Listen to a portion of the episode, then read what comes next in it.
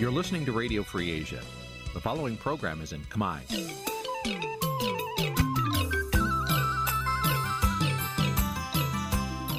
នេះជាកម្មវិធីផ្សាយវិទ្យុអាស៊ីសេរី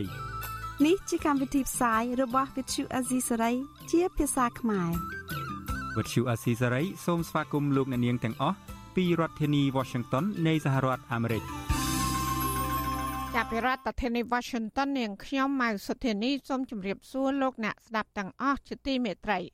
ចាយើងខ្ញុំសូមជូនការផ្សាយសម្រាប់ព្រឹកថ្ងៃសុក្រ8រោចខែស្រាប ឆ្នាំថោះបัญចស័កពុទ្ធសករាជ2567ហើយដល់ត្រូវនៅថ្ងៃទី8ខែកញ្ញាគ្រិស្តសករាជ2023ជាដំបូងនេះសូមអញ្ជើញលោកអ្នកនាងកញ្ញាស្ដាប់ព័ត៌មានប្រចាំថ្ងៃដែលមានមេត្តាដូចតទៅ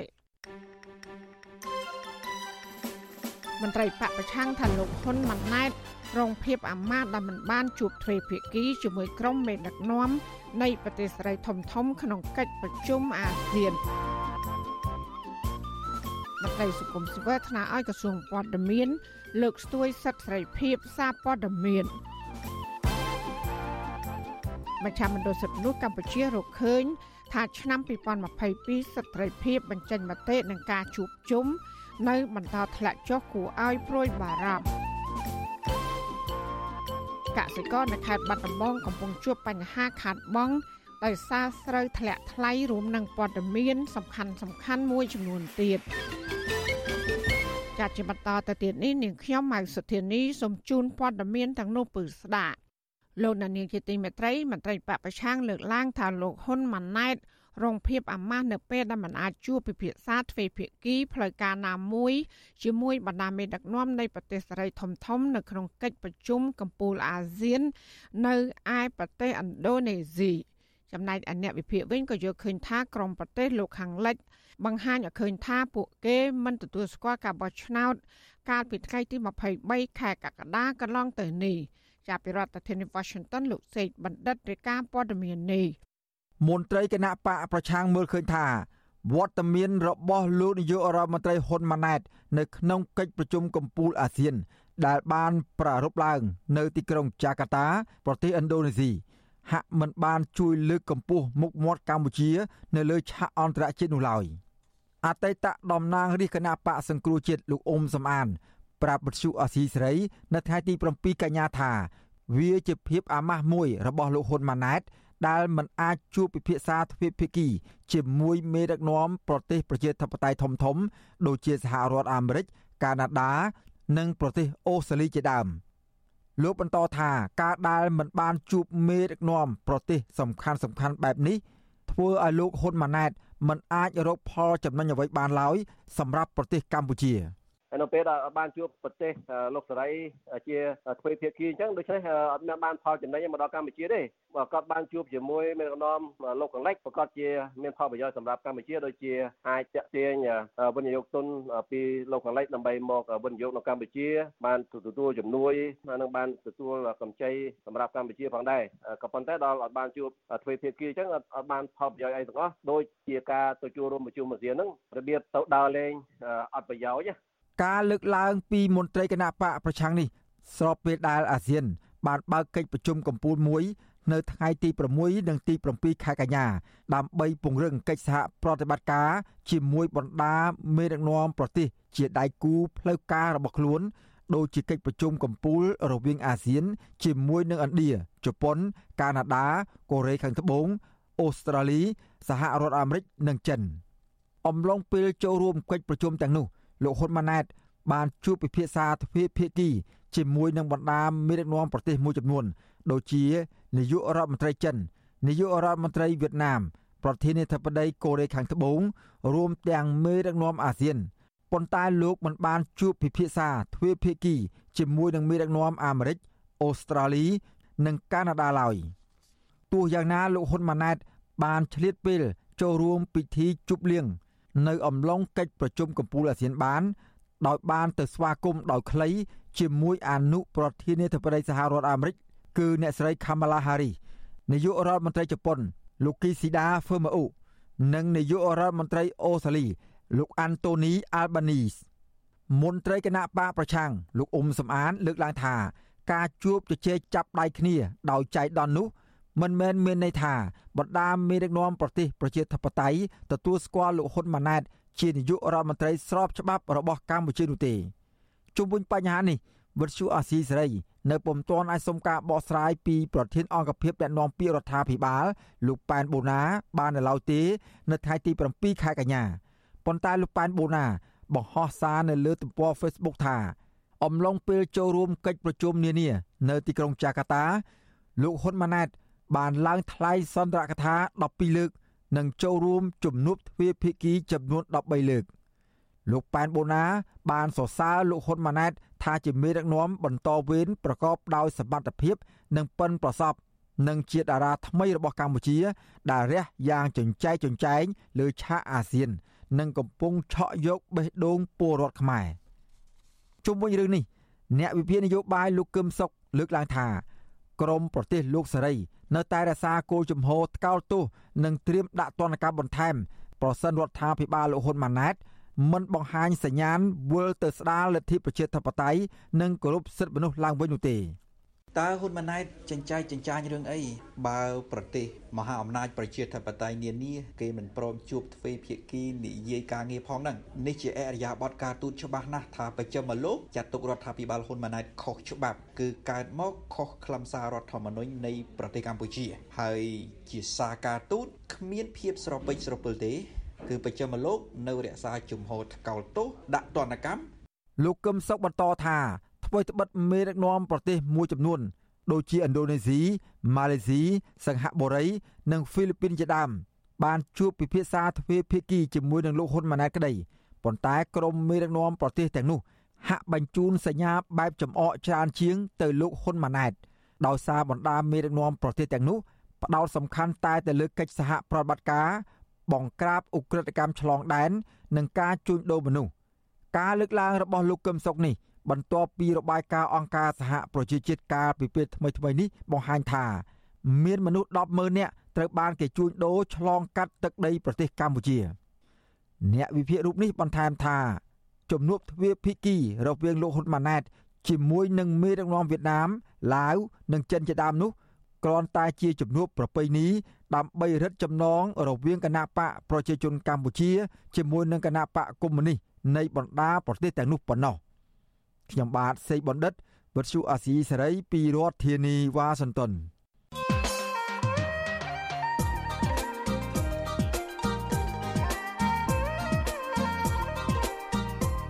ក្រុមអ្នកជំនាញកិច្ចការអន្តរជាតិលើកឡើងថា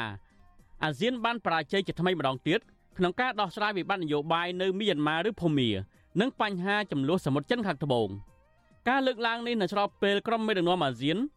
កំពុងចូលរួមកិច្ចប្រជុំកំពូលអាស៊ានលើកទី43នៅទីក្រុងចាកាតាប្រទេសឥណ្ឌូនេស៊ីតើមូលហេតុអ្វីបានជាក្រុមមេដឹកនាំអាស៊ានមិនអាចដោះស្រាយវិបត្តិនយោបាយនៅភូមានិងបញ្ហាចំនួនសមុទ្រចិនខាងត្បូងបាន បាទសូមលោកនាងរងចាំតាមដានស្ដាប់កិច្ចពិភាក្សាអំពីរឿងនេះនៅក្នុងនីតិវិទ្យាអ្នកស្ដាប់វិទ្យុអាស៊ីសេរីនៅយប់ថ្ងៃសុក្រទី8កញ្ញានេះកុំបីខាន បាទបើសិនជាលោកនាងមានសំណួរចង់សួរវាគ្មិនរបស់យើង ឬចង់បញ្ចេញជាមតិយោបល់សូមលោកនាងដាក់លេខទូរស័ព្ទនៅក្នុងខ្ទង់ comment Facebook និង YouTube របស់វិទ្យុអាស៊ីសេរីដែលកំពុងផ្សាយនៅពេលនេះក្រុមការងាររបស់យើងនឹងហៅទៅលោកនាងវិញ បាទសូមអរគុណ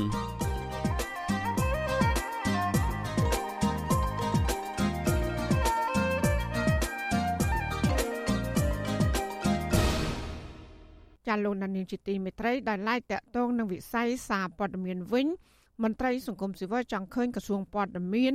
លើកស្ទួយសិទ្ធិភាពសារព័ត៌មានជាជាងប្រាប់ទៅតំណាងអង្គការ UNESCO អំពីការប្រឆាំងព័ត៌មានคล้ายคล้ายពួកគាត់ក៏បានស្នើឲ្យក្រសួងព័ត៌មានងាកមកបើកលំហសេរីភាពសារព័ត៌មានឯករាជ្យនិងលើកទឹកចិត្តការផ្សាយព័ត៌មានពិតចាលោកជីវតាមានសេចក្តីរាយការណ៍ពុស្ដាជំវិញព័ត៌មាននេះដូចតទៅការប្រឆាំងព័ត៌មានคล้ายៗបានคล้ายជាប្រធានបទមួយ ដែលក្រសួងព័ត៌មានបានប្រាប់ទៅតំណាងអង្គការ UNESCO ប្រចាំនៅកម្ពុជាថាវាជាកិច្ចការអាទិភាពរបស់ក្រសួងព័ត៌មានក្នុងអាណត្តិទី7នេះគណៈមន្ត្រីសង្គមស៊ីវិលធ្វើការក្នុងវិស័យព័ត៌មានថាប្រព័ន្ធផ្សព្វផ្សាយឯករាជ្យគឺជាភាគីដែលក្រសួងគួរសហការដើម្បីឲ្យប្រជាពលរដ្ឋទទួលបានព័ត៌មានពិតនិងត្រឹមត្រូវនាយកផ្នែកប្រព័ន្ធផ្សព្វផ្សាយនៃមជ្ឈមណ្ឌលកម្ពុជាដើម្បីប្រព័ន្ធផ្សព្វផ្សាយឯករាជ្យលោកអ៊ិតសុធឿតលើកឡើងថា ដើម្បីទប់ស្កាត់ព័ត៌មានคล้ายៗក្រសួងព័ត៌មានគួរតែសហការជាមួយសារព័ត៌មានឯករាជ្យដែលដើរតួនាទីផ្ដល់ព័ត៌មានពិតដល់អ្នកស្ដាប់លោកអ៊ិនសុធឿតក៏សម្គាល់ឃើញថា មួយរយៈពេលកន្លងមកនេះរដ្ឋាភិបាលហាក់មិនបានផ្ដល់កិច្ចសហការឬផ្ដល់បទសម្ភាសន៍ដល់អ្នកសារព័ត៌មានឯករាជ្យមួយចំនួនឡើយដែលធ្វើឲ្យខ្លឹមសារព័ត៌មានខ្វះសម្លេងពីខាងភាគីរដ្ឋាភិបាល ដែលប្រការនេះមិនមែនជារឿងល្អសម្រាប់រដ្ឋាភិបាលនោះទេ ថ្ងៃទីប្រជុំសភាយើងឃើញថានិងសារព័ត៌មានរបស់ VOA មិនត្រូវបានអនុញ្ញាតចូលទៅក្នុងសន្និសីទសារព័ត៌មានរបស់អតីតនាយករដ្ឋមន្ត្រីអញ្ចឹងវាហាក់ដូចជានៅដំណើរចាប់ផ្ដើមនេះដូចជារៀងនៅតែមានភាពវិជ្ជមានបន្តិចយើងសង្ឃឹមថានៅពេលដែលរដ្ឋាភិបាលថ្មីគាត់រៀបចំក្រុមការងារបែងចែកការងារអីច្បាស់លាស់ហើយគាត់នឹងឲ្យតម្លៃផ្ដល់កិច្ចសហការដល់អ្នកសារព័ត៌មានឲ្យកាន់តែប្រសើរ ការលើកឡើងនេះធ្វើឡើងបន្ទាប់ពីមានជំនួបរវាងតំណាងអង្គការ UNESCO លោកសាដាអ៊ូម៉ាអាឡាម កាលពីថ្ងៃទី6កញ្ញាជាមួយរដ្ឋមន្ត្រីក្រសួងព័ត៌មានលោកណេតភក្ត្រាដោយក្រសួងព័ត៌មានលើកឡើងអំពីការប្រឆាំងព័ត៌មានคล้ายៗដែលនឹងធ្វើឡើងតាមរយៈការធ្វើទំនើបកម្មស្ថាប័នរដ្ឋបាលទំនើបនិងការពង្រឹងគុណភាពនៃសារព័ត៌មាននៅកម្ពុជាយោងតាមសេចក្តីប្រកាសរបស់ក្រសួងព័ត៌មានចុះថ្ងៃទី6កញ្ញា រដ្ឋមន្ត្រីក្រសួងព័ត៌មានលោកណេតភក្ត្រាក៏បានបញ្ជាក់ប្រាប់មន្ត្រីតំណាងអង្គការ UNESCO ថាក្រសួងព័ត៌មាននឹងរៀបចំបើកវគ្គបណ្ដុះបណ្ដាលធនធានមនុស្សលើជំនាញសារព័ត៌មាននេះដល់មន្ត្រីដែលកំពុងបម្រើការងារក្នុងប្រព័ន្ធផ្សព្វផ្សាយរបស់រដ្ឋនិងស្វាគមន៍អ្នកសារព័ត៌មានទាំងឡាយដែលចង់ចូលរួមលោកនេតភក្ត្រាក៏បានថ្លែងផងដែរថាការអនុវត្តក្រមសីលធម៌វិជ្ជាជីវៈសារព័ត៌មានត្រឹមត្រូវគឺជាអាវក្រោះការពារអ្នកសារព័ត៌មាន ទោះជាយ៉ាងណាក្នុងជំនួបរវាងតំណាងអង្គការ UNESCO នេះក្រសួងព័ត៌មានមិនបានបង្ហាញឲ្យលម្អិតអំពីអនុសាសន៍របស់អង្គការ UNESCO ចំពោះវិស័យសារព័ត៌មាននៅកម្ពុជានោះទេវិទ្យុអាស៊ីសេរីមិនអាចតាក់ទងแนะនាំពាក្យក្រសួងព័ត៌មានលោកមាសសុភ័ណ្ឌដើម្បីសូមការបកស្រាយជុំវិញរឿងនេះបានទេនៅថ្ងៃទី7កញ្ញាវិទ្យុអាស៊ីសេរីក៏មិនទាន់អាចតាក់ទងតំណាងអង្គការ UNESCO បានដែរនៅថ្ងៃដដែលនេះជុំវិញរឿងនេះដែរ នាយកប្រតិបត្តិសមាគមសម្ព័ន្ធអ្នកសារព័ត៌មានកម្ពុជាហៅកាត់ថាកម្ពុជាលោកណប់វីយល់ឃើញថា ការបណ្ដុះបណ្ដាលមន្ត្រីផ្នែកប្រព័ន្ធផ្សព្វផ្សាយនិងអ្នកសារព័ត៌មានមួយមុខនៅមិនទាន់អាចធ្វើឲ្យផែនការរបស់ក្រសួងមានជោគជ័យបាននោះទេលោកបញ្ជាក់ថាលំហសេរីភាពសារព័ត៌មានឯករាជ្យនិងការយល់ដឹងរបស់ប្រជាពលរដ្ឋគឺជាផ្នែកមួយសំខាន់ក្នុងកិច្ចការនេះដែលតម្រូវឲ្យក្រសួងដាក់ចេញនៅផែនការសកម្ម លើកកម្ពស់ការផ្សព្វផ្សាយចំណេះដឹងផ្នែកសារព័ត៌មានឲ្យបានទូលំទូលាយដល់ប្រជាពលរដ្ឋនិងការបើកឲ្យពួកគាត់មានឱកាសលើកឡើងពីទុកលំបាកតាមរយៈប្រព័ន្ធផ្សព្វផ្សាយប្រាប់ទៅរដ្ឋាភិបាលតាមរយៈសារព័ត៌មានពិតនិងឯករាជ្យ ខ្ញុំគិតថារឿងតកតងនឹងការផ្សព្វផ្សាយការអប់រំបណ្ដុះបណ្ដាលហ្នឹងគឺគួរតែត្រូវបានចាត់ជាអតិភិបសំខាន់ដើម្បីពង្រឹងការយល់ដឹងរបស់ប្រជាពលរដ្ឋកាលណាប្រជាពលរដ្ឋលោកមានការយល់ដឹងច្រើនទូលំទូលាយវាអាចនឹងជួយកាត់បន្ថយនៅការផ្សព្វផ្សាយព័ត៌មានមិនពិតឬក៏ព័ត៌មានប្រឌិតឡើងដោយស្វ័យប្រវត្តិដែរបាទទោះជាយ៉ាងណាក៏ដោយចុះមហាជនទូទៅយល់ឃើញថាកន្លងមកនេះ ស្ថាប័នក្រសួងព័ត៌មានដែលគ្រប់គ្រងបណ្ដាញប្រព័ន្ធផ្សព្វផ្សាយរដ្ឋនិងឯកជនភាគច្រើនផ្ដោតទៅលើព័ត៌មានបែបពិធីការនិងរឿងឯកជនភាពរបស់មន្ត្រីរដ្ឋាភិបាលមួយចំនួនជាជាងរឿងអយុត្តិធម៌សង្គមនៅតាមមូលដ្ឋាន សន្ទុះសេរីភាពសារព័ត៌មានពិភពលោកឆ្នាំ2023ចេញផ្សាយក្នុងទិវាសេរីភាពសារព័ត៌មានពិភពលោកកាលពីថ្ងៃទី3ឧសភាសេរីភាពសារព័ត៌មាននៅកម្ពុជា ស្ថិតក្នុងលំដាប់លេខរៀងទី147លើ180ប្រទេសខណៈឆ្នាំ2022កម្ពុជាស្ថិតក្នុងលេខរៀង142ចំណាត់ថ្នាក់នេះបង្ហាញថា កម្ពុជាឈរលើប្រទេសតែ3ប៉ុណ្ណោះគឺវៀតណាមឡាវនិងមីយ៉ាន់ម៉ាខ្ញុំជីវិតាអាស៊ីសេរីចាលោកដានឿងជាទីមេត្រីពាក់ព័ន្ធនឹងសេរីភាពជាមូលដ្ឋានវិញអង្គការសង្គមស៊ីវិលបារម្ភពីការបន្តធ្លាក់ចុះ សេរីភាពជាមូលដ្ឋាននៃការបញ្ចេញមតិនិងការជួបជុំ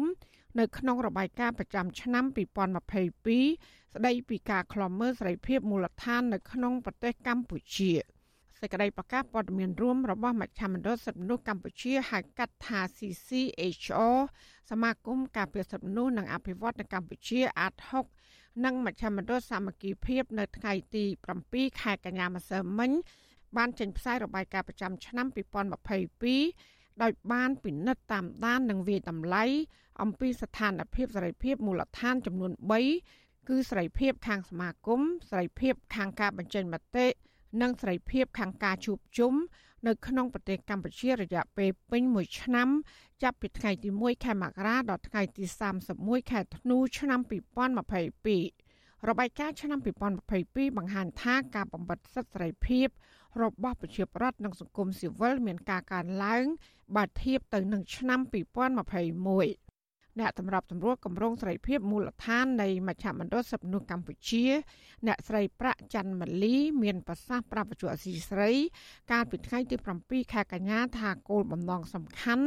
នៃរបាយការណ៍នេះគឺចង់បង្ហាញរដ្ឋាភិបាលពីតិន្នន័យច្បាស់លាស់ តាមរយៈកំណត់ត្រាហេតុការព្រមទាំងការជួបសម្ភារផ្ទាល់ជាមួយមន្ត្រីសង្គមស៊ីវិលនិងសហជីពទៅលើការបញ្ចេញមតិនិងសេរីភាពជួបប្រជុំគ្នាជាដើម។ផុសតាំងជាក់លាក់ដែលបានចងក្រងគឺមានទិន្នន័យច្បាស់លាស់ហើយរបាយការណ៍នេះគឺសម្រាប់តែផ្ដល់នៅព័ត៌មានដែលជាមូលដ្ឋានគ្រឹះសម្រាប់ពិចារណាឬក៏ពិភាក្សា ដើម្បីធ្វើឲ្យច្បាប់ជាតិរបស់ប្រទេសកម្ពុជានោះស្របតាមច្បាប់អន្តរជាតិហើយការអនុវត្តសេរីភាពមូលដ្ឋាននោះមានភាពប្រសើរនៅក្នុងប្រទេសកម្ពុជាអានេះអ្វីដែលជាគោលបំណងរបស់របាយការណ៍ហើយនិងគោលបំណងរបស់គម្រោងនឹងអនុវត្តរួមគ្នាទាំង3ស្ថាប័ននឹងរៀបចំ ចាហើយកន្លែងនេះគឺมันមានការស្នើជាវិធានការជាក់លាក់អីទេប៉ុន្តែស្ថាប័នរដ្ឋគាត់អាចប្រើប្រាស់ទិន្នន័យនៃរបាយការណ៍នេះដើម្បីកែសម្រួលគោលនយោបាយរបស់ខ្លួនឲ្យមានភាពប្រសើរដូចជាហេតុការណ៍មួយចំនួនពាក់ព័ន្ធទៅនឹងការរដ្ឋបិទសេរីភាពខាងសមាគមឬក៏រដ្ឋបិទទៅលើសេរីភាពបញ្ចេញមតិឬក៏រដ្ឋបិទទៅលើសេរីភាពខាងការជួបប្រជុំហ្នឹងសូមឲ្យអាជ្ញាធរហ្នឹងយកគោលការណ៍ ច្បាប់ជាគោលហើយមានន័យថាអាជ្ញាធរនឹងមិនមិនធ្វើអ្វីតាមអំពើចិត្តរបាយការណ៍ឆ្នាំ2022នេះគឺជាឆ្នាំទី7ហើយរបស់គម្រោងឃ្លាំមើលសេរីភាពមូលដ្ឋានគម្រោងនេះបានកត់ត្រាហេតុការណ៍ចំនួន329តាមបណ្ដាញផ្សព្វផ្សាយព័ត៌មាន ការរាយការណ៍ពីហេតុការណ៍ចំនួន237និងការស្ទង់មតិជាមួយសាធារណជនជិត1500នាក់នៅទូទាំងខេត្តរាជធានីព្រមទាំងការស្ទង់មតិថ្នាក់ដឹកនាំរបស់អង្គការសង្គមស៊ីវិលនិងសហជីពចំនួន105នាក់របាយការណ៍បង្ហាញថាអាញាធរបានបំពេញទៅលើការអនុវត្តក្របខ័ណ្ឌច្បាប់ហើយរដ្ឋាភិបាលវិញក៏កំពុងប្រើប្រាស់ច្បាប់ទាំងនេះដើម្បីកាត់បន្ថយលំហសេរីភាពរបស់ពលរដ្ឋ និងរដ្ឋបတ်ការអនុវត្តសេរីភាពជាមូលដ្ឋានជាជាងការពារសិទ្ធិលោកនានីជាទីមេត្រីដំណើរធាននឹងស្ដាប់ការផ្សាយរបស់វិទ្យុអសីសេរីតាមបណ្ដាញសង្គម Facebook YouTube និង Telegram លោកនាងក៏អាចស្ដាប់ការផ្សាយរបស់យើងតាមរលក ធាតុអាកាសខ្លីឬ Shortwave តាមកម្រិតនិងកម្ពស់ដូចតទៅចាប់ពីព្រឹកចាប់ពីម៉ោង5កន្លះដល់ម៉ោង6កន្លះ តាមរយៈប៉ុស SW 12.14 MHz ស្មើនឹងកម្ពស់ 25m និងប៉ុស SW 13.71 MHz ស្មើនឹងកម្ពស់ 22m ការសម្រាប់ពេលយប់វិញគឺចាប់ពីម៉ោង7កន្លះដល់ម៉ោង8កន្លះគឺតាមរយៈប៉ុស SW 9.33 MHz ស្មើនឹងកម្ពស់ 32m ប៉ុស SW 11.88 MHz ស្មើនឹងកម្ពស់ 25m និងប៉ុស SW 12.15 MHz ស្មើនឹងកម្ពស់ 25m ចាសសូមអរគុណចាលោកដានីលជាទីមេត្រីពាក់ព័ន្ធនឹងគណៈបកភ្លើងទៀនវិញ គណៈបកនេះបានដាក់លិខិតសុំជួបរដ្ឋមន្ត្រីក្រសួងមហាផ្ទៃនៅថ្ងៃទី7ខែកញ្ញាក្នុងអំណងជជែកចរចាគ្នាដើម្បីឲ្យក្រសួងចេញលិខិតចុះបញ្ជីច្បាប់ដើមរបស់គណៈបកនេះអ្នកនាំពាក្យក្រសួងមហាផ្ទៃឆ្លើយតបថាក្រសួងមិនរើសអើងគណៈបណ្ឌនយោបាយណាមួយទេ ហើយនឹងដោះស្រាយករណីនេះទៅតាមច្បាប់ចាសសូមស្ដាប់សេចក្តីរាយការណ៍របស់លោកយ៉ងច័ន្ទរាជំវិញព័ត៌មាននេះ សំណើរបស់គណៈបកភ្លើងទៀនសូមជួបរដ្ឋមន្ត្រីក្រសួងមហាផ្ទៃលោកសសុខាគឺដើម្បីសូមឲ្យរដ្ឋមន្ត្រីផ្ដល់ដំណោះស្រាយពាក់ព័ន្ធទៅនឹងឯកសារលិខិតបញ្ជាក់ការចុះបញ្ជីគណៈបកភ្លើងទៀនដែលតម្កល់ទុកនៅក្រសួងមហាផ្ទៃលិខិតរបស់គណៈបកភ្លើងទៀនចុះកាលពីថ្ងៃទី4ខែកញ្ញាក៏ប៉ុន្តែទើបដាក់នៅក្រសួងមហាផ្ទៃនៅថ្ងៃទី7ខែកញ្ញាឲ្យដឹងថាគណៈបកភ្លើងទៀនត្រូវការឯកសារនេះដើម្បីយកទៅប្រើប្រាស់នៅក្នុងការចុះបញ្ជីគណៈបកនយោបាយឈរឈ្មោះបោះឆ្នោត គណៈបកភ្លើងទៀនដែលមានបរិវត្តបោះឆ្នោតគ្រប់គ្រងជិត2លាននាក់កាលពីឆ្នាំ2022លើកឡើងទៀតថាប្រសិនបើគណៈបកភ្លើងទៀនគ្មានឯកសារច្បាប់ដើមនេះទេនឹងត្រូវប្រឈមការបដិសេធជាថ្មីទៀតដោយគោលជបមិនឲ្យចូលរួមការបោះឆ្នោតទាំងថ្នាក់ជាតិនិងថ្នាក់ក្រោមជាតិនៅអាណត្តិបន្តបន្ទាប់ខាងមុខជាមិនខានអនុប្រធានគណៈបកភ្លើងទៀនលោករងឈុនឲ្យវិទ្យុអាស៊ីសេរីដឹង នៅថ្ងៃទី7ខែកញ្ញាថាក្រសួងមហាផ្ទៃ យល់ព្រមទទួលលិខិតរបស់គណៈបកភ្លើងទៀនហើយនៅពេលនេះ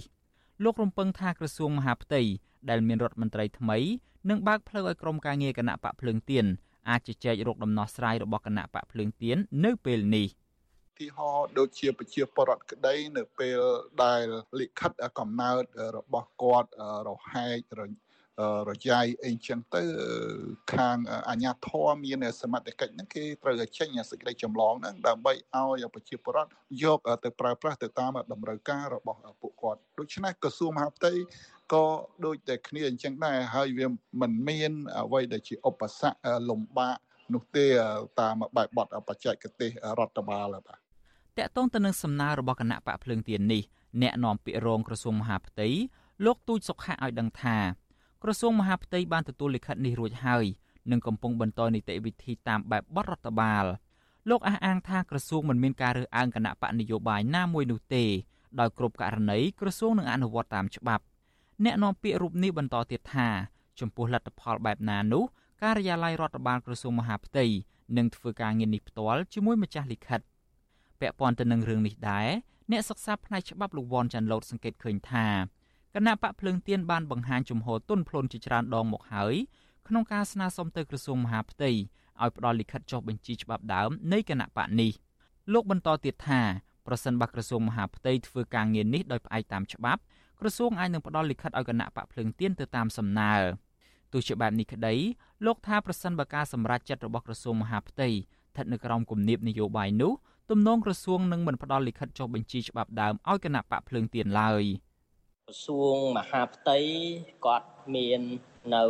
ឯករាជ្យភាពនៅក្នុងការធ្វើការហើយនឹងការសម្រេចចិត្តនៅក្នុងនាមជាអ្នកផ្ដល់សេវាហើយនឹងជាអាជ្ញាធរករណីភ្លឹងទៀននេះมันជាបញ្ហាចោតទេ គឺអាចនឹងមានវិធីសាស្ត្រក្នុងការដោះស្រាយបានបាទចំណុចទី2ក្នុងករណីដែលក្រសួងមហាផ្ទៃដែលគាត់គិតទៅលើផលប្រយោជន៍នយោបាយនោះ ការដែលផ្ដល់លទ្ធភាពផ្ដល់ឱកាសឲ្យភ្លើងទៀនអាចមានឱកាសឡើងវិញគឺជារឿងដែលលំបាកនេះមិនមែនជាលើកទី1ទេដែលគណៈបកភ្លើងទៀនបានព្យាយាមសុំជួបរដ្ឋមន្ត្រីក្រសួងមហាផ្ទៃដើម្បីស្នើសុំឲ្យក្រសួងមួយនេះផ្ដល់លិខិតចុះបញ្ជីច្បាប់ដើមឲ្យគណៈបកភ្លើងទៀននៅមុនការបោះឆ្នោតថ្ងៃទី23កក្កដាក្រសួងមហាផ្ទៃតបតាមការស្នើសុំរបស់គណៈបកភ្លើងទៀនបានចេញសេចក្តីប្រកាសទទួលស្គាល់គណៈបកនេះជាគណៈបកស្របច្បាប់ ក៏ប៉ុន្តែប្រកាសនេះគោជបថាមិនគ្រប់គ្រាន់សម្រាប់ឲ្យគណៈបកភ្លើងទៀនអាចចូលរួមប្រគល់ប្រជែងការបោះឆ្នោតបានឡើយខ្ញុំយ៉ងច័ន្ទដារាវិទ្យុអាស៊ីសេរី Washington ចាលោកនានីជាទីមេត្រី នៅឯខេត្តសៀមរាបឯនោះវិញប្រជាពលរដ្ឋក្នុងខេត្តនេះបានដាក់បណ្ដាសាអាញាធរពពាន់ដែលមិនកសាងផ្លូវមួយខ្សែដោយការសន្យាមុនពេលបោះឆ្នោតធ្វើឲ្យពួកគាត់លំបាកធ្វើដំណើរ ពួកគាត់ចោទថាអាញាធរគណៈបកកណ្ដាលអំណាចបំពេញពាក្យសន្យានឹងភូតភរប្រជាពលរដ្ឋនៅមុនការបោះឆ្នោតពីអាណត្តិមកហើយចា៎នេះគឺជាសកម្មភាពរបស់លោកនៅវណ្ណរិនជំវិញព័ត៌មាននេះ ផ្លូវលំមួយខ្សែចាប់ពីផ្លូវជាតិលេខ6ត្រង់ចំណុចផ្សារអង្ក្រងស្រុកបាគងឆ្ពោះទៅឃុំខ្នាពោស្រុកសូននិគមខេត្តសៀមរាបមានប្រវែងជិត20គីឡូម៉ែត្រដែលជាតំបន់ទីប្រជុំជនកំពុងពិបាកធ្វើដំណើរខ្លាំងមានជង្ហុកច្រើនផ្លូវដាច់ដុំដុំនិងបែកភក់នៃខែវស្សាឆ្នាំនេះពលរដ្ឋដែលធ្វើដំណើរឆ្លងកាត់ផ្លូវនេះរអ៊ូពីការលំបាកធ្វើដំណើរជិត10ឆ្នាំមកហើយហើយរងចាំអាជ្ញាធរអនុវត្តពាក្យសន្យារបស់ខ្លួន និងកសាងផ្លូវមួយខ្សែនេះឡើងវិញ ប្រជាពលរដ្ឋរស់នៅតាមបណ្ដោយផ្លូវនេះក្នុងស្រុកបាគងលោកឈៀមប៊ុនរ៉ាប្រាប់វិទ្យុអាស៊ីសេរីថាអាញាធរតែងតែភូតភរប្រជាពលរដ្ឋដដែលដដែលមុនពេលបោះឆ្នោតម្ដងម្ដង ថានឹងស្ថាបនាផ្លូវនេះឲ្យស្អាតក៏ប៉ុន្តែបែរជាមិនធ្វើទៅវិញលោកថាប្រជាពលរដ្ឋខ្លះបានដាក់បណ្ដាសាអាញាធរដែលមិនគោរពពាក្យសន្យាទាំងនេះហកគេតែធ្វើកាលមុនតែធ្វើខែ7ហើយខែ7មិនឃើញធ្វើធ្វើខែ8ដល់ខែ8ឃើញធ្វើដល់ធ្វើខែ10 ខែ10មិនឃើញធ្វើតែធ្វើខែណាណៃទៅហូតដល់អត់របស់ឆ្នោតគូកុហកគេជាជួនហ្នឹងស្រោជាជួនវាទៅខឹងកុហកវាខឹងគេទៅរងចាំគេដែលគេបងថ្ងៃថ្ងៃជាជួ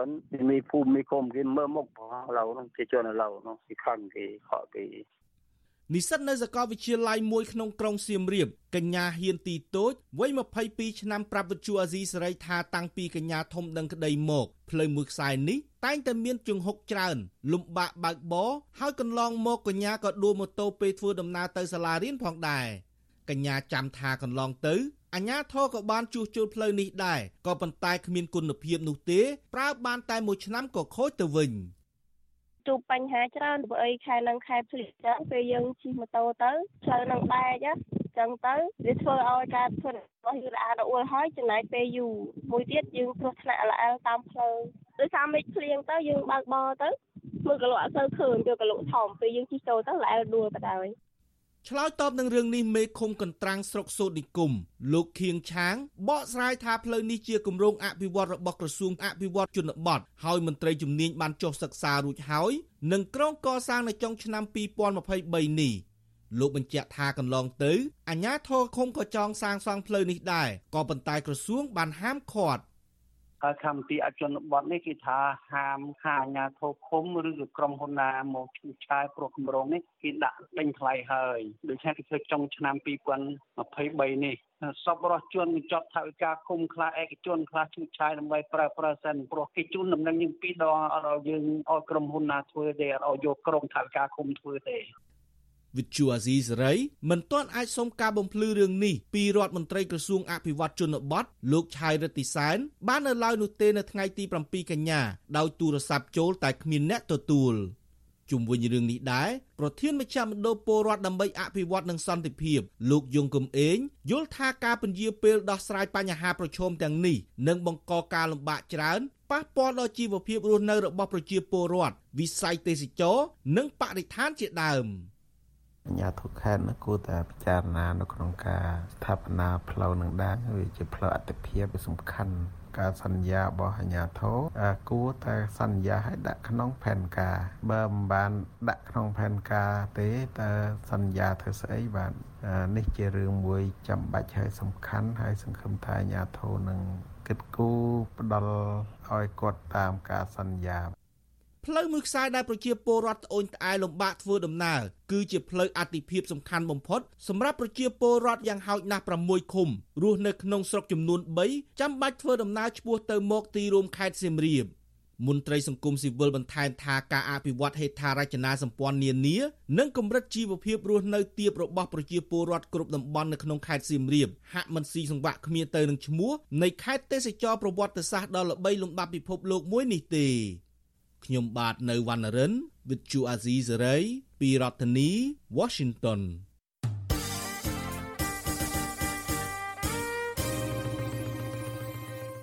ចាលោកដានីលជាទីមេត្រីក្រោយពីរដ្ឋមន្ត្រីក្រសួងវប្បធម៌អ្នកស្រីភឿងសក្កណា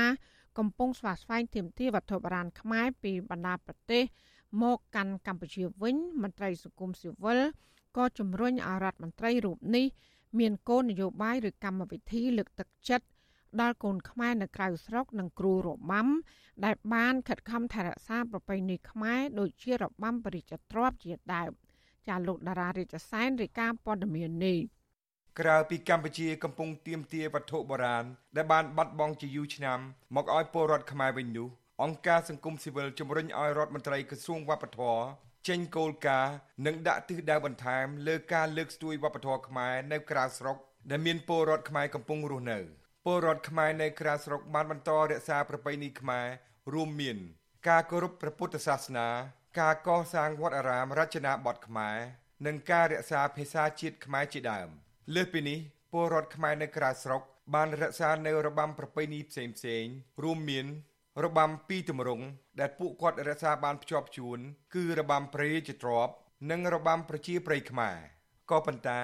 ការខិតខំនេះគេឃើញមានតែការយកចិត្តទុកដាក់ពីសំណាក់ភ្ញៀវបរទេសនិងក្រសួងនានានៃប្រទេសដែលពួកគាត់កំពុងរស់នៅប៉ុណ្ណោះ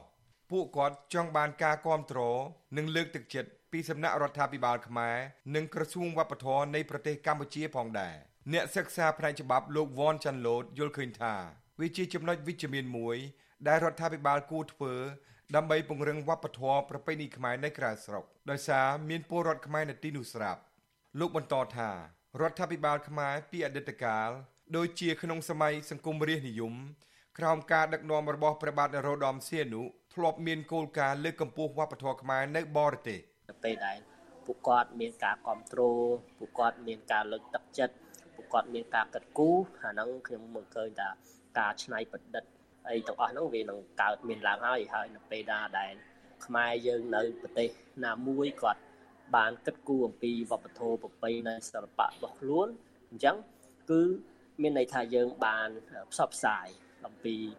សិល្បៈរបស់យើងនៅទីនោះរួចស្រេចហើយចំណែកគ្រូរបាំខ្មែរមួយរូបរស់នៅទីក្រុង Adelaide ប្រទេសអូស្ត្រាលី គឺអ្នកស្រីគុយសុធារី មានប្រសាសន៍ថា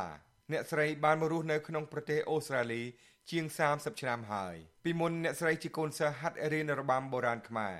តែសពថ្ងៃ អ្នកស្រីបានស្ម័គ្រចិត្តមកធ្វើជាគ្រូវិញម្ដង ដោយលះបង់ពេលវេលាកម្លាំងចិត្តកម្លាំងកាយដោយហេតុថាអ្នកស្រីស្រឡាញ់ទម្រង់សិល្បៈខ្មែរហើយចង់បន្តឲ្យកូនខ្មែរចំនួនក្រោយ នៅក្រៅស្រុក បានស្គាល់និងបន្តរក្សា អ្នកស្រីថាសពថ្ងៃមានរដ្ឋាភិបាលប្រចាំទីក្រុង Adelaide បានយកចិត្តទុកដាក់ជួយឲ្យកូនសិស្សរបាំបានទៅសម្ដែងនៅស្ថាប័ននានានៅក្នុងទីក្រុងនេះអ្នកស្រីចង់ឲ្យមានការគ្រប់គ្រងនិងលើកទឹកចិត្ត ពីសំណាក់រដ្ឋាភិបាលខ្មែរមកដល់កូនសិស្សនិងគ្រូគ្រូរបាំខ្មែរមិនថានៅប្រទេសណាក៏ដោយព្រោះនេះជារឿងរបស់ជាតិទាំងអស់គ្នា អ្នកស្រីបន្តថាការលើកស្ទួយនិងការផ្ដល់តម្លៃពីថ្នាក់ដឹកនាំគឺមានសារៈសំខាន់ណាស់ដែលជាគ្រឿងផ្សំនឹងធ្វើឲ្យវប្បធម៌ខ្មែរនៅក្រៅស្រុកឋិតថេរបានយូរលង់សិនជាមានក្រសួងវប្បធម៌ខ្មែរយើង អាចជួយលើកទឹកចិត្តដល់គ្រូគ្រូនៅប្រទេសក្រៅដែលកំពុងតែពង្រីកវប្បធម៌និងជួយគ្រប់គ្រប់គ្រងដល់វប្បធម៌ដើម្បីបដិបដាដល់បន្តដល់កូនចៅចំនួនក្រោយសូមឲ្យអ្នកក្រសួងទាំងអស់នឹងមេត្តាជួយងាកមើលដើម្បីជួយគ្រប់គ្រងឬក៏មានធ្វើកម្មវិធីអ្វីមួយដើម្បីឲ្យថាគេទទួលស្គាល់នៅតម្លៃរបស់អ្នកគ្រូរបាំនិង ក្មេងៗជុំវិញការជំរុញនិងការស្នើសុំនេះវិទ្យុអាស៊ីសេរីមិនអាចសុំការឆ្លើយតបពីរដ្ឋមន្ត្រីក្រសួងវប្បធម៌និងវិចិត្រសិល្បៈអ្នកស្រីភឿងសុកណា បានទេនៅថ្ងៃទី7កញ្ញាពលរដ្ឋខ្មែរនៅក្រៅស្រុកភៀកច្រើន បានចាក់ចេញពីប្រទេសកម្ពុជា ទៅរស់នៅប្រទេសនានាក្នុងពិភពលោក ក្រោយសម័យខ្មែរក្រហម ឆ្នាំ1975 ទោះជារស់នៅឆ្ងាយពីស្រុកកំណើតក្តីពលរដ្ឋខ្មែរនៅទីនោះរក្សាបាននូវវប្បធម៌ជាតិជាង40ឆ្នាំមកហើយក្នុងនោះ មានរបាំបុរាណខ្មែរដែរពួកគាត់អំពាវនាវឲ្យមានការចូលរួមពង្រឹងវប្បធម៌ខ្មែរនៅក្រៅស្រុកពីសំណាក់រដ្ឋាភិបាល និងជាពិសេសពីក្រសួងវប្បធម៌ខ្មែរខ្ញុំដារ៉ារីជសែន With you Azizi Saray ទីក្រុង Adelaide ចាលោកដានៀងកញ្ញាកំពុងស្ដាប់ការផ្សាយរបស់វិទ្យុអសីស្រីផ្សាយចេញពីរដ្ឋធានី Washington ពជាកសិករនៅខេត្តបាត់ដំបងប្រឈមការខាតបង់ដោយសារតែស្រូវដែលកំពុងប្រមូលផលបានធ្លាក់ថ្លៃជាបន្តបន្ទាប់ខណៈថ្លៃដើមសម្រាប់ធ្វើកសិកម្មឡើងខ្ពស់ប៉ុន្តែមន្ត្រីក្រសួងកសិកម្មអះអាង ថាការធ្លាក់ថ្លៃនៅប្រមាណថ្ងៃចុងក្រោយនេះ ក៏ស្រូវនៅតែស្ថិតនៅក្នុងតម្លៃល្អបើធៀបកាលពីឆ្នាំ2022ចាសសេចក្តីរាយការណ៍ពីស្ដាមពីរឿងនេះលោកដានៀងក៏នឹងបានស្ដាប់នាពេលបន្តិចទៀតនេះ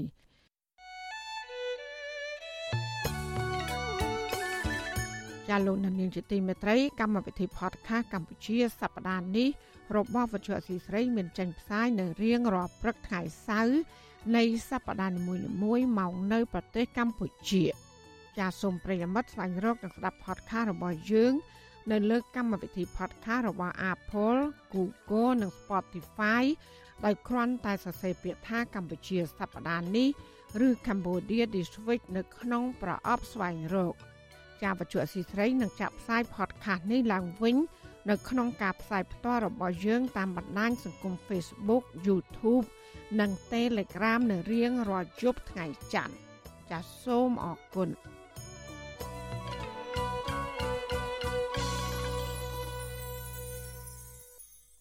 ចាលោកដានៀងជាទីមេត្រីពាក់ព័ន្ធនឹងអតីតរដ្ឋមន្ត្រីក្រសួងវប្បធម៌ថៃមន្ត្រីសង្គមស៊ីវិលស្នើដល់អាជ្ញាធរពាក់ព័ន្ធស្វែងរកចាប់អតីតរដ្ឋមន្ត្រីក្រសួងវប្បធម៌របស់ថៃ ដែលកំពុងកិច្ចខ្លួននៅកម្ពុជា ប្រគល់ទៅឲ្យថៃវិញសំណើរបស់សង្គមស៊ីវិលនេះបន្ទាប់ពីតឡាការថៃ បានចេញទៅការចាប់អតីតរដ្ឋមន្ត្រីរូបនេះពីបទក្លែងបន្លំក្នុងពេលដែលលោក ជាអភិបាលក្រុងផាត់តយា ចាអ្នកស្រីសុជីវីរាយការណ៍ព័ត៌មាននេះមន្ត្រីអង្គការសង្គមស៊ីវិលលើកឡើងថាអតីតរដ្ឋមន្ត្រីក្រសួងវប្បធម៌របស់ថៃដែលបានកិច្ចខ្លួនមកកម្ពុជានេះជាជនល្មើសដែលអាជ្ញាធរខ្មែរគួរតែបញ្ជូនឲ្យទៅទទួលទោសនៅប្រទេសកំណើតវិញឲ្យបានឆាប់ប្រធានសមាគមការពារសិទ្ធិមនុស្សអាត6លោកនីសុខាប្រាប់វិទ្យុអាស៊ីសេរីនៅថ្ងៃទី7ខែកញ្ញាថាជនទាំងឡាយណាដែលប្រព្រឹត្តបទល្មើសហើយរត់គេចខ្លួនចូលមកស្នាក់នៅកម្ពុជា ពុំមែនជារឿងល្អឡើយលោកស្នើឲ្យអាជ្ញាធរខ្មែរស្វែងរកចាប់អតីតរដ្ឋមន្ត្រីក្រសួងវប្បធម៌ថៃគឺលោកអធិពលខុនភ្លឿមប្រគល់ទៅឲ្យអាជ្ញាធរថៃវិញដើម្បីកុំឲ្យកម្ពុជា មានឈ្មោះអាក្រក់ខាងជាទីជំរករបស់ក្រុមអក្រិតជន ឬជនល្មើសមានលុយមានអំណាច។ ចង់មិនចង់ធ្វើឲ្យប៉ះពាល់ទៅដល់ទី1គឺមុខមាត់របស់រដ្ឋាភិបាលគេថារដ្ឋាភិបាលមួយដែលមានលក្ខណៈសុំកលុំឬក៏ខុបខិតជាមួយនឹងអ្នកដែលរកស៊ីមិនត្រឹមត្រូវនៅក្នុងប្រទេសគេហើយដែលអាចជាកន្លែងមួយដែលធ្វើឲ្យអ្នកដែលប្រព្រឹត្តល្មើសច្បាប់ទាំងអស់នោះជាកន្លែងជ្រកកោនរបស់ជនប្រព្រឹត្តបទល្មើសដែលនៅប្រទេសគេអញ្ចឹងអានឹងធ្វើឲ្យប៉ះពាល់ដល់កិត្តិយសដល់មុខមាត់រដ្ឋាភិបាលធ្ងន់ធ្ងរហើយវិនិយោគទុនមួយចំនួនវាអាចមានការខ្លាយរអាមិនចង់មករកស៊ីអីអញ្ចឹងទេដោយសារតែគេថាប្រទេសយើងជាប្រទេសមួយដែលសម្បូរទៅដោយជនដែលមិនល្អមករស់នៅ សំណើរបស់មន្ត្រីអង្គការសង្គមស៊ីវិលនេះបន្ទាប់ពីតុលាការថៃចេញដីកាចាប់ខ្លួនអតីតរដ្ឋមន្ត្រីក្រសួងវប្បធម៌ថៃគឺលោកអតិពលខុនភ្លឿម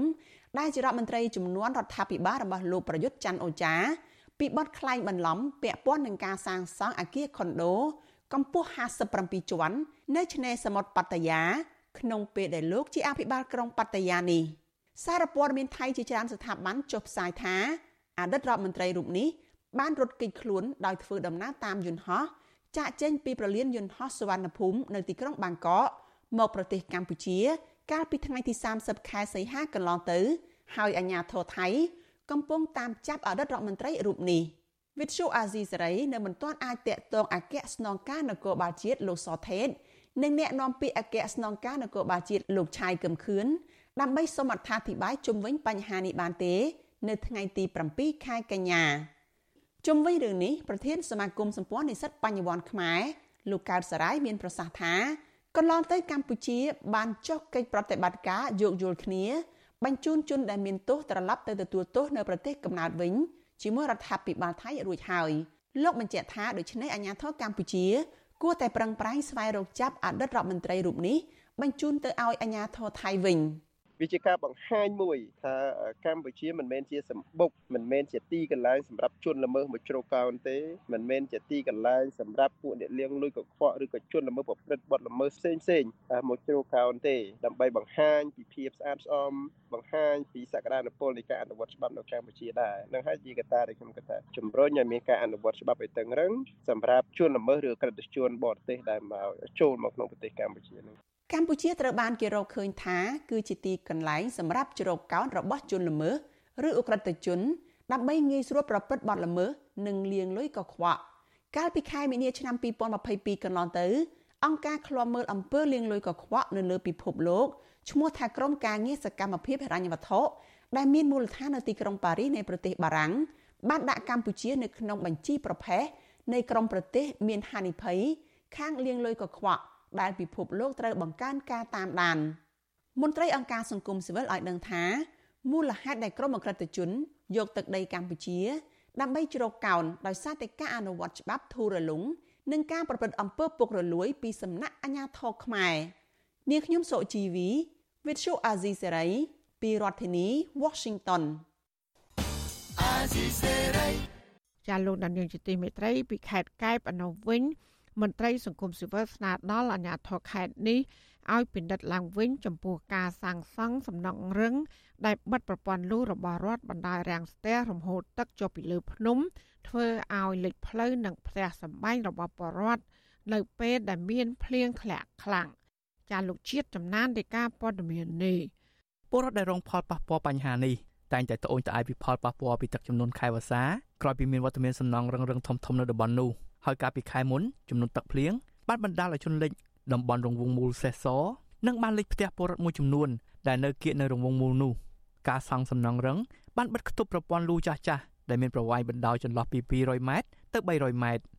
មន្ត្រីសង្គមស៊ីវិលដែលចងអង្កេតរឿងនេះចាត់ទុកការសាងសង់នេះជាការរំលោភប្រព័ន្ធលូរំដោះទឹកដែលកសាងសម្រាប់មុខងារសាធារណៈដើម្បីបញ្ជាទឹកចំនួននៅពេលមានភ្លៀងធ្លាក់ខ្លាំងមន្ត្រីសម្របសម្រួលសមាគមអាត់ហុកខេត្តកែបនិងខេត្តកំពតលោកយុនផូលី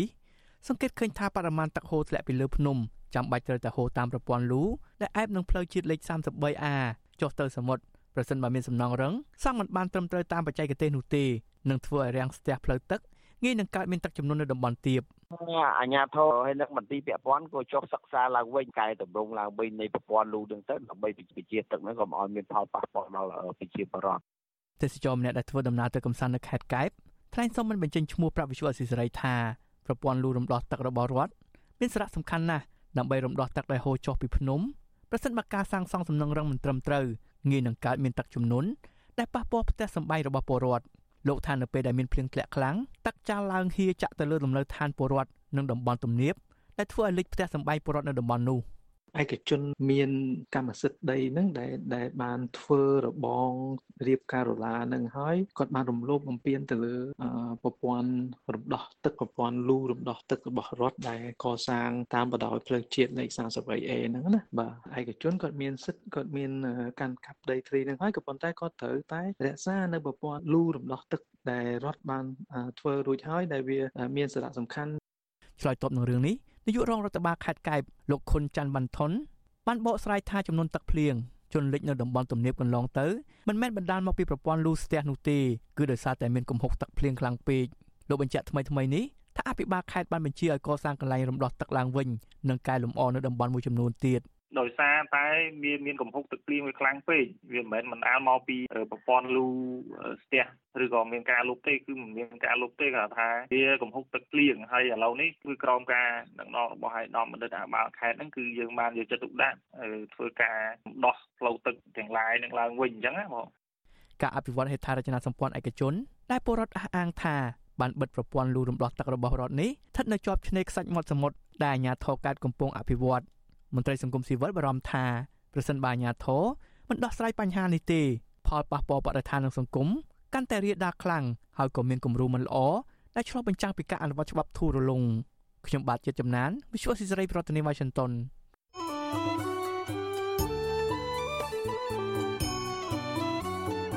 ាលោកដានៀងជាទីមេត្រីក្នុងឱកាសនេះដែរនាងខ្ញុំសូមថ្លែងអំណរគុណដល់លោកដានៀងកញ្ញាទាំងអស់ដែលតែងតែមានភក្ដីភាព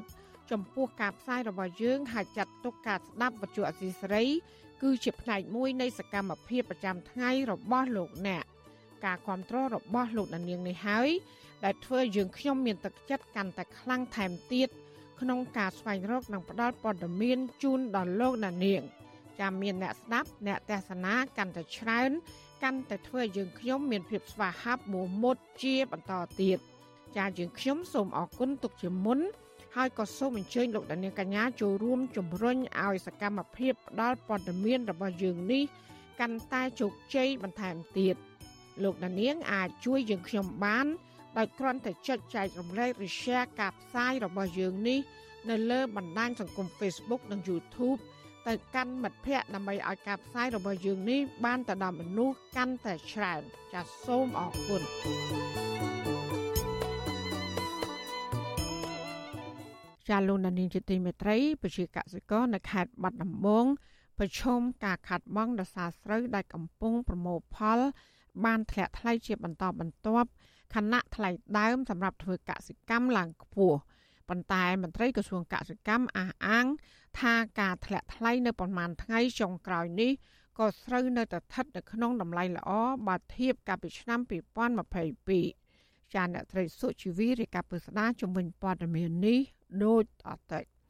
ប្រជាកសិករនៅក្នុងខេត្តបាត់ដំបងអះអាងថា នៅប្រហែលថ្ងៃចុងក្រោយនេះតម្លៃស្រូវធ្លាក់ចុះជាបន្តបន្ទាប់គួរឲ្យព្រួយបារម្ភធ្វើឲ្យពួកគាត់ខាតបង់អស់ប្រមាណ30ម៉ឺនរៀលនៅក្នុងស្រូវមួយតោនកសិករនៅស្រុកថ្មគោលខេត្តបាត់ដំបងលោកផាងណាមប្រាប់វិទ្យុអាស៊ីសេរីកាលពីថ្ងៃទី7ខែកញ្ញាថា លោកនឹងប្រមូលផលស្រូវនៅក្នុងស្រែរបស់លោកដែលមានទំហំជាង3ហិកតា នៅចុងខែកញ្ញានេះលោកបារម្ភពីការខាតបង់បើតម្លៃស្រូវនៅតែបន្តធ្លាក់ចុះទៀត។ឆ្នាំនេះក៏ល្បីដែរមុនដំបូងអូស្រុកបានថ្លៃប្រជាពលរដ្ឋបង្នំគ្នាបខំច្រូតដល់ពេលច្រូតបានទៅក៏ដំណើរវាจะឈ្មោះគេបង្អាប់រោមានឡដាក់ឬមានឡកណ្ដៅឡើយណាចេះថាទៅប្រជាពលរដ្ឋយើងចេះតែក្រកមាល់ទៅ ហាលទៅអីទៅទាំងគេទាំងខ្ញុំហ្នឹងទៅខំច្រូតត្រូវបានថ្លៃបានថ្លៃអាចឈ្មោះគេឡើងទលាក់គ្រប់មកគេទលាក់ទៅយើងមិនដឹងធ្វើល្មិចគេទលាក់ហើយមានតែច្រូតបានហើយមានតែហាលតែប៉ុណ្្នឹងហើយកសិករនៅស្រុកមោងឫស្សីលោកព្រឿងចន្ទៈឲ្យដឹងថា នៅប្រហែលថ្ងៃមុនស្រូវ1គីឡូក្រាមថ្លៃពី1300ទៅ1400រៀលប៉ុន្តែដល់ថ្ងៃទី7ខែកញ្ញាតម្លៃស្រូវធ្លាក់ចុះមកនៅ1គីឡូក្រាមប្រមាណ1000រៀលតែប៉ុណ្ណោះ កសិករធ្វើស្រែនៅលើដី10ហិកតារូបនេះថ្លែងថារូបលោកនិងកសិករផ្សេងទៀតប្រឈមនឹងការខាតបង់បើថ្លៃស្រូវមិនឡើងវិញទេខណៈឆ្នាំនេះស្រូវមួយចំនួនខូចខាតដោយសារតែខ្វះទឹក។លោកច័ន្ទណាឲ្យដឹងទៀតថាបើតម្លៃស្រូវឡើងត្រឹមតែ1គីឡូក្រាម1200រៀលកសិករក៏អាចបានផលចំណេញខ្លះ លាក់បងប្រាក់ច្រើនតែមួយតោនបាត់នឹង30ម៉ឺនជាង40ម៉ឺនខុស50ម៉ឺនមកសម្រាប់អ្នកដែលគេមកថ្លៃអ្នកធ្វើបាន4 5តោនគេចេះចំណេញដល់ពេលយើងប្រមាថមួយធុងពីរធុងនៅខ្សោពីពើអត់ទឹកហ្នឹងស្វិតហ្នឹងវាមិនកអីរួចខ្លួនមកមកទៅពាក់ថ្លៃវិញចឹងតែឆ្នាំនេះភាគច្រើនខាងខ្ញុំសម្បូរនេះតែអត់មានទឹកត្រូវស្កកយ៉ាងឥឡូវលើចោះទៀតក៏បបបានមួយមួយតោនពីរតោននេះក៏រួចខ្លួនក សិករម្នាក់ទៀតធ្វើស្រែនៅលើផ្ទៃដី10ហិកតានៅស្រុកកំពង់ព្រះលោកបូភ័ក្រថ្លែងដោយក្តីបារម្ភថារយៈពេល10ថ្ងៃចុងក្រោយនេះស្រូវធ្លាក់ថ្លៃជាបន្តបន្ទាប់លោកបន្តថារូបលោក និងកសិករផ្សេងទៀតកំពុងបាក់ទឹកចិត្តហើយបារម្ភថានឹងមិនមានលុយបង់សងធនាគារជាបរិវត្តគាត់បាក់ទឹកចិត្តហ្នឹងដោយសារពីមុនមកវាថ្លៃដល់ថ្នាក់1300ដល់ឥឡូវធ្លាក់សល់តែ 1100ឬក៏1050អីចេះបងថ្លៃជីថ្លៃអីហ្នឹងវាគាត់ទៅទូទាត់ជាមួយផ្សៃប្រេងវិញស្មើដើមហ្មងជាបរិវត្តនៅបងធនាគារមិនតាន់ហ្នឹងឯងបងអើយបើធ្លាក់ថែមទៀតមានជាបរិវត្តរត់ចោលស្រុកហ្នឹងមានអីបងបើធនាគារកណ្ដាលបើតាមលោកបូភ័ក្រស្ថាប័នធនាគារឬគ្រឹះស្ថានមីក្រូហិរញ្ញវត្ថុបច្ចុប្បន្នរឹតបន្តឹងនិងមិនចង់ផ្ដល់កម្ចីឲ្យកសិករយកទៅធ្វើស្រែនោះទេ ព្រោះពួកគេបារម្ភថាកសិករបង្ខាត មិនមានលុយសងបំណុលកសិករថានៅក្នុងខេត្តបាត់ដំបងមានឈ្មួញ3ក្រុមប្រមូលទិញស្រូវគឺឈ្មួញថៃឈ្មួញវៀតណាមនិងឈ្មួញខ្មែរដែលមានរោងម៉ាស៊ីនកិនស្រូវនៅក្នុងស្រុកពួកគេថាតម្លៃស្រូវបានឡើងដល់1400រៀលនៅក្នុង1គីឡូក្រាមនាពេលកន្លងទៅ គឺឈ្មួញវៀតណាមជាអ្នកទិញវិទ្យុអាស៊ីសេរីនៅមិនទាន់អាចតាក់ទងអភិបាលខេត្តបាត់ដំបងលោកសុកលូ និងអ្នកនាំពាក្យក្រសួងកសិកម្មកញ្ញាអឹមរចនាដើម្បីសាកសួរជុំវិញបញ្ហានេះបានទេ នៅថ្ងៃទី7ខែកញ្ញាទោះជាយ៉ាងណារដ្ឋលេខាធិការក្រសួងកសិកម្មលោកយ៉ងសង្គមាសរសេរនៅលើបណ្ដាញ Telegram របស់លោកនៅថ្ងៃទី7ខែកញ្ញាថាតម្លៃស្រូវទោះជាធ្លាក់ចុះបន្តិចនៅប៉ុន្មានថ្ងៃចុងក្រោយនេះក៏នៅតែល្អបើប្រៀបធៀបនឹងឆ្នាំ2022 ដែលស្រូវទទួលបានតម្លៃតែ800ទៅ900រៀលនៅក្នុង1គីឡូក្រាមលោកបន្តថាក្រសួងកសិកម្មកំពុងផ្សព្វផ្សាយឲ្យកសិករទុកស្រូវឲ្យទុំល្អចាំប្រមូលផល ហើយទើបលក់បានតម្លៃខ្ពស់ទាំងឈ្មួញនៅក្នុងស្រុក និងឈ្មួញបរទេសកសិករនៅក្នុងខេត្តបាត់ដំបងឲ្យដឹងថាតម្លៃជីនៅក្នុង1បេ150,000រៀលប្រេងសាំង1លីត្រជិត5000រៀលបូកទាំងថ្លៃភ្ជួរថ្លៃថ្នាំជាដើមនោះ ក្នុង1ហិកតាពួកគាត់ចំណាយអស់ប្រមាណ2លាន5សែនរៀលអគ្គលេខាធិការនៃសហព័ន្ធស្រូវអង្ករកម្ពុជាលោកលុនយេងពន្យល់ថាតម្លៃស្រូវនៅកម្ពុជាប្រែប្រួលពាក់ព័ន្ធនឹងការនាំចេញអង្ករទៅឥណ្ឌាមីយ៉ាន់ម៉ានិងទៅវៀតណាម ហើយតម្លៃស្រូវទាំងអស់នេះមិនមែនផ្អែកនៅលើយើងទេផ្អែកទៅលើតម្រូវការនៃការទិញនៃវៀតណាមដែរព្រោះវៀតណាមគាត់គាត់អត់សូវសម្បូរទៅគាត់ទិញច្រើនទៅតែទិញច្រើនដដើមគ្នាទិញហើយធម្មតាដដើមគ្នាទិញរបស់អីក៏ដដើមវារៀងឡើងថ្លៃណាហើយសម្រាប់រោងម៉ាស៊ីនរបស់យើងនៅស្រុកខ្មែរនេះគាត់ទិញធម្មតាគាត់អត់មានណាទៅអីចាំឲ្យចុះថោកបន្តិចទេព្រោះគាត់ធ្វើអាជីវកម្មគាត់វិនិយោគម្នាក់ម្នាក់ឡអស់ឡសម្ងួតឡអីអស់ម្នាក់4 10លានដុល្លារគាត់ទៅទិញបញ្ឈរចោលមិនកើត គោលនយោបាយយុទ្ធសាស្ត្របញ្ចកោណរបស់រដ្ឋាភិបាលអាណត្តិទី7បានលើកឡើងពីការលើកស្ទួយវិស័យកសិកម្មផ្ដោតលើការអភិវឌ្ឍកសិកម្មទំនើបជំរុញការប្រកួតប្រជែងនិងលើកស្ទួយជីវភាពរបស់ប្រជាពលរដ្ឋនៅតាមតំបន់ជនបទប៉ុន្តែបច្ចុប្បន្នកសិករអះអាងថាពួកគេនៅតែជួបបញ្ហាបច្ចេកទេសដាំដុះមិនមានមន្ត្រីជំនាញជួយ ហើយពេលដាំដុះបានផលលក់នៅក្នុងតម្លៃទាបនាំឲ្យកសិករមួយចំនួនបោះបង់របរកសិកម្ម របាយការណ៍របស់រដ្ឋបាលខេត្តបាត់ដំបងបង្ហាញថាខេត្តនេះមានផ្ទៃដីកសិកម្មសរុបជាង4សែនហិកតា ក្នុងនោះដីសម្រាប់ធ្វើស្រូវមានជាង3សែនហិកតាទិន្នផលស្រូវនៅក្នុងឆ្នាំ2022បង្ហាញដោយក្រសួងកសិកម្មគឺខេត្តបាត់ដំបងជាខេត្តធំឈរលំដាប់ថ្នាក់ទី3ដែលប្រមូលផលស្រូវបានច្រើនបន្ទាប់ពីខេត្តព្រៃវែងនិងតាកែវកាលពីឆ្នាំ2016ដោយសារតម្លៃស្រូវធ្លាក់ចុះខ្លាំង កសិករនៅស្រុកសង្កែខេត្តបាត់ដំបងប្រមាណ1000នាក់នាំគ្នាចាក់ស្រូវនៅលើផ្លូវជាតិលេខ5ដើម្បីតវ៉ាឲ្យរដ្ឋាភិបាលដំឡើងថ្លៃស្រូវស្ដារជីវភាពរបស់ពួកគេ នាងខ្ញុំសុជីវីវិទ្យុអាស៊ីសេរីពីរដ្ឋធានី Washington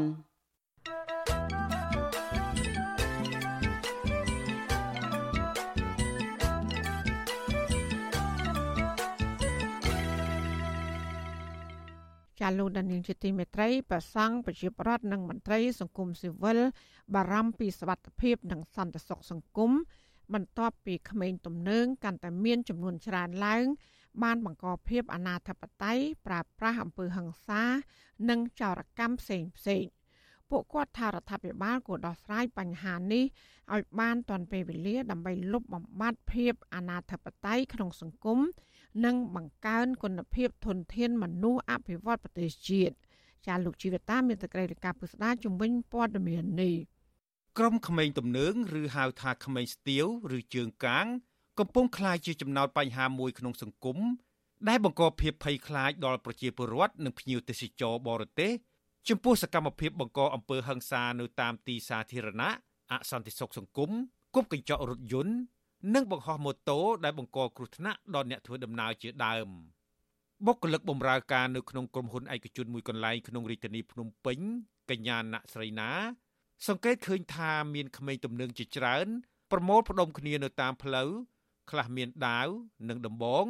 ដែលធ្វើឲ្យកញ្ញាព្រួយបារម្ភនៅពេលបើកបរលើដងផ្លូវនៅពេលយប់ព្រលប់ កញ្ញាលើកឡើងថាក្រុមក្មេងស្ទាវទាំងនោះជួបជុំគ្នាទាំងហ្វូងស្រែកឡូឡា ពេលខ្លះឆក់ប្លន់អ្នកដំណើរនិងជួនកាលវាយតបគ្នា ដោយគ្មានខ្លាចរអានោះឡើយ។ ពេលចេញពីធ្វើការយប់ឡើងជិះម៉ូតូទៅផ្ទះវិញអញ្ចឹងទៅពិតជាមានការបារម្ភមានការភ័យខ្លាចខ្លាំងដោយសារយើងជាស្រីយើងចេញយប់ប្រឡប់អង្គទៅម៉ោង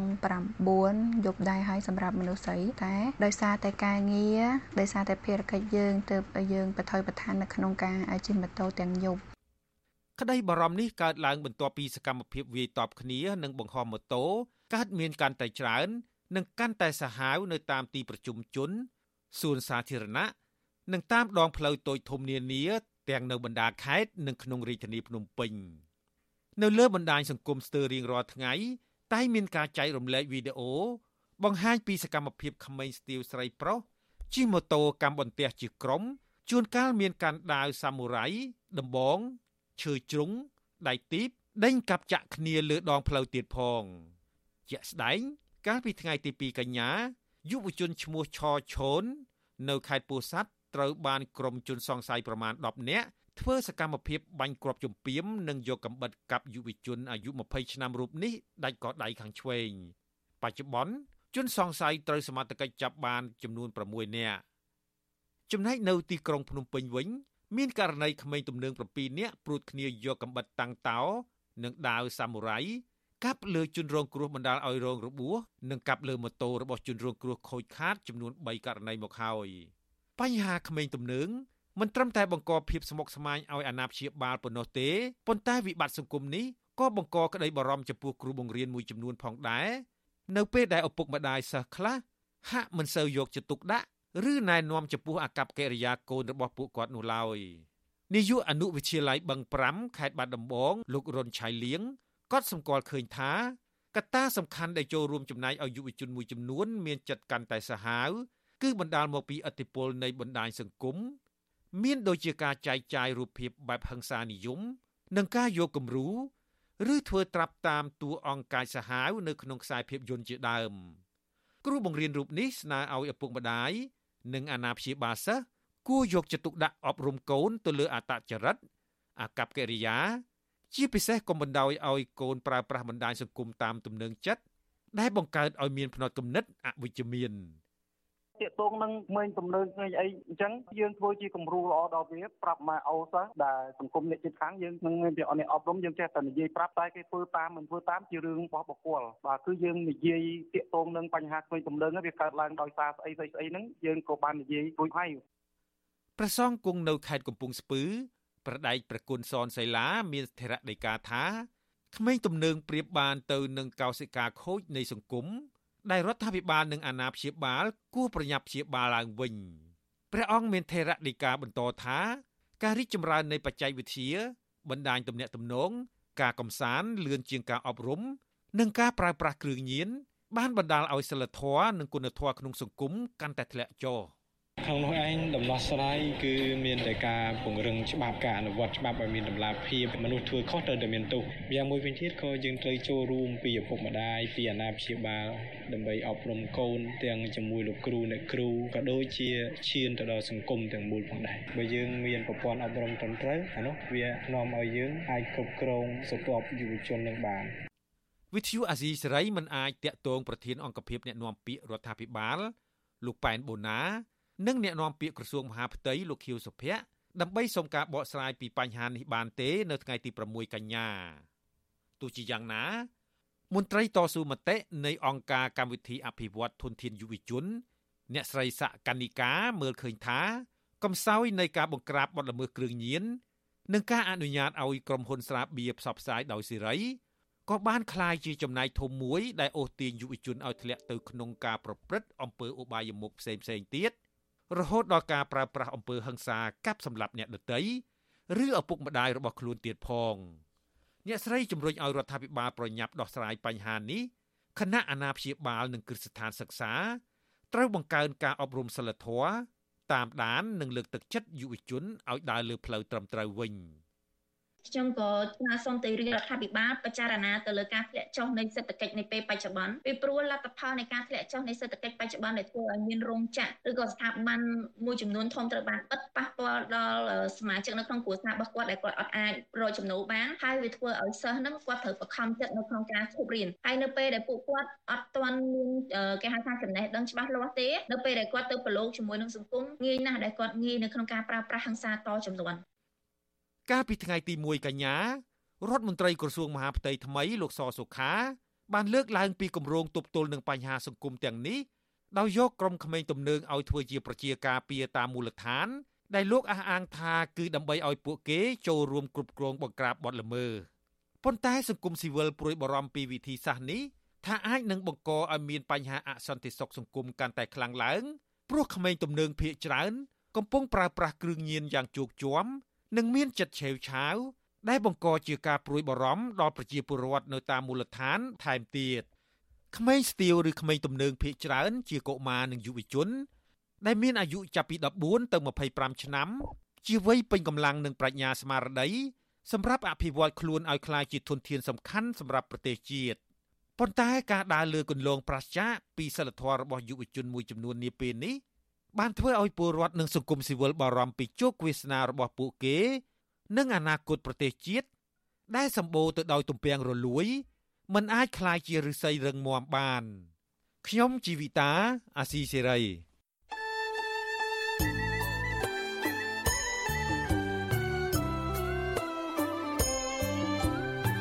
ចាលោកនាងកញ្ញាអ្នកស្ដាប់ជទីមេត្រីកັບផ្សាយរយៈពេល1ម៉ោងនៃវិទ្យុអាស៊ីស្រីជាភាសាខ្មែរនៅពេលនេះចាប់តែប៉ុណ្ណេះ